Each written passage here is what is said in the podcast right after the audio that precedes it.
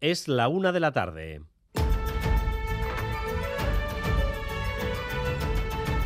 Crónica de Euskadi con Dani Álvarez. Arrachaldeón, el amianto es una sustancia muy utilizada desde hace décadas en la construcción. Una sustancia a la que miles de trabajadores estuvieron expuestos sin protección. Respirar aire en el que flotan partículas de amianto durante tiempo prolongado puede ocasionar graves enfermedades respiratorias. Se convierte en un asesino silencioso que mata lentamente. Cerca de 3.000 obreros en nuestro país han muerto por el amianto. Sus familias llevan años luchando en los tribunales porque se reconozca. Han ganado ya, de hecho, decenas de procesos, pero hoy conseguirán un último objetivo, que las Cortes aprueben un fondo de compensación para las víctimas.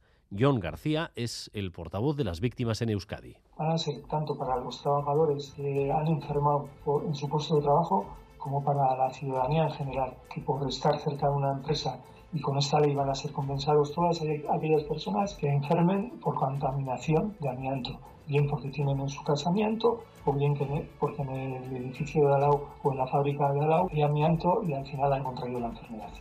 Va a ser un fondo, como acaban de escuchar, universal. Izaro Baza, Madrid, en unas horas el Senado aprobará ese fondo y lo hará con un desembarco de representantes del Parlamento Vasco. Sí, eso es una representación del Parlamento Vasco con la presidenta Bacarcho Tejería a la cabeza. Será testigo de la aprobación de ese fondo, un fondo por valor de 25 millones de euros del que se podrán beneficiar las víctimas. El debate arrancará este mismo mediodía y esta tarde, 11 años después, desde que comenzara el proceso en el Parlamento Vasco, el Senado dará luz verde al fondo de compensación de las víctimas del amianto. El proyecto de presupuestos generales del Estado es el más voluminoso de la historia y contiene un importante gasto social que incluye subidas de pensiones, de salarios a los empleados públicos o ayudas universales contra la inflación. Sin embargo, los socios de gobierno han vuelto a conseguirlo. De lo que más se habla es de su desacuerdo, el aumento en el gasto de defensa que, según Podemos, no sabían que se iba a producir. Insisto, no vamos a romper un gobierno más cuando el amigo del narcotraficante, el señor Fijó, está con los cuchillos afilados, pero aquí sí que tenemos que expresar nuestro disenso y nuestra queja, porque es verdad que ha sido un aumento decidido de forma unilateral por el Partido Socialista. Ya hemos visto aumentos unilaterales en el seno del Gobierno por parte de la parte socialista del Gobierno. Pero lo cierto es que todos los países están gastando más en defensa, lógicamente por la guerra de Ucrania. ¿Puede decir Podemos que les pilla por sorpresa Fermín Alberdi? Sánchez avisó dos veces. En marzo, a las tres semanas de conflicto, dijo que, al igual que otros socios europeos, iba a subir el gasto en defensa. En junio, en la cumbre de la OTAN en Madrid, volvió a decir que aumentaría los recursos para la, para la alianza. En Alemania, justo al cumplirse el primer mes de guerra, se subieron 100.000 millones eh, de euros el gasto militar y se llegó al 2% del PIB. España va a pasar del 1% actual al 1,1% del PIB el año que viene. El enfriamiento de la economía y la rebaja de las expectativas que se tenían para el año que viene empiezan a impactar en el ánimo de los empresarios. Hoy las patronales de Araba y Guipúzcoa han hablado de desconcierto, temor y caída de los beneficios. Este trimestre las cosas se, se, están torciendo porque ya estamos viendo, y así nos lo dicen las empresas, que la rentabilidad pues está cayendo de una forma muy importante.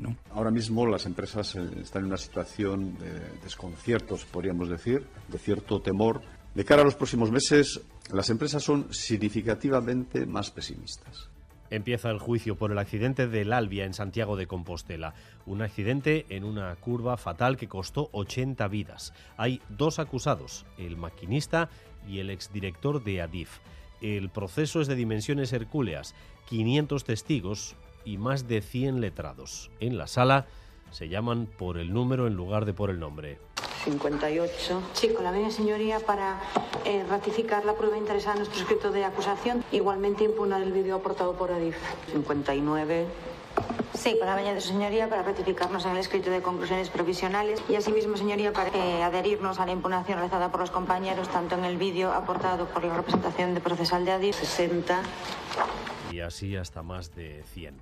El Teatro Arriaga acoge el estreno de la primera obra de Eneco Sagardoy como autor teatral. La obra lleva por título Moto Membra Jesu Nostri y es una escenificación del concierto Membra Jesu Nostri compuesto por Bustejude en 1680. Siete cantatas dedicadas a tantas partes, a tantas respectivas partes del cuerpo de Cristo. Esta nueva producción propia de La Riaga es un concierto escenificado con Sagardoy como único protagonista. Yo no me definiría como un actor en el mero sentido de que recibe órdenes y las ejecuta y las reproduce, ¿no? Entonces no se me ha hecho antinatural, sí se me ha hecho a veces vertiginoso, pero no me he sentido ajeno tampoco. Y al final sentía que eso, jugábamos con las mismas cosas que juego cuando solo estoy como actor, pero muy afortunado. Sé que es muy difícil levantar eh, un primer texto en escena y hacerlo en un sitio como el Arriaga. Espero que en la información deportiva no tengamos que hablar latín. Álvaro Fernández Cadierno, Arrachaldeón. Moldavo, casi casi, Arrachaldeón, porque la Real viaja hasta allí dentro de unos eh, minutos. Eh, mañana se mide al Sheriff en la Europa League. Zubimendi ha entrado en esa lista, no sigo Rosabel, también esta tarde. Fíjate, Phantoms Basket lo integra en la Eurocup, en Bélgica, Benvibre y de Euskotren en la Liga o Veravera la calzada en balonmano. Y en cuanto al tiempo, a esta hora sigue luciendo el sol en la mayor parte del país, pero atención en la vertiente cantábrica porque en las próximas horas el viento del noroeste podría arrastrar de nuevo bancos de bruma e incluso nubes a últimas horas de la tarde. Las temperaturas, eso sí, van a seguir rondando los 25 grados en la costa y casi casi los 30 en el interior. De momento están en ascenso y alcanzan ya los 22 grados en Bilbao, en Vitoria-Gasteiz o en Bayona, 21 grados en Pamplona, 20 grados de temperatura en Donostia. Por cierto, continúan las retenciones debido a obras en la 1 en Vitoria-Gasteiz, sentido Madrid. Ténganlo en cuenta. Vitoria-Gasteiz, sentido Madrid, carretera A1. Hay retenciones en esa zona debido a unas obras. Gracias un día más por elegir Radio Euskadi y Radio Vitoria para informarse. Raúl González y José Ignacio Revuelta se encargan de la dirección técnica, a Itziber Bilbao de la coordinación. Este miércoles en Gambara, Michel Lacuncha, el secretario general de ELA, a partir de las 7 de la tarde en Radio Euskadi.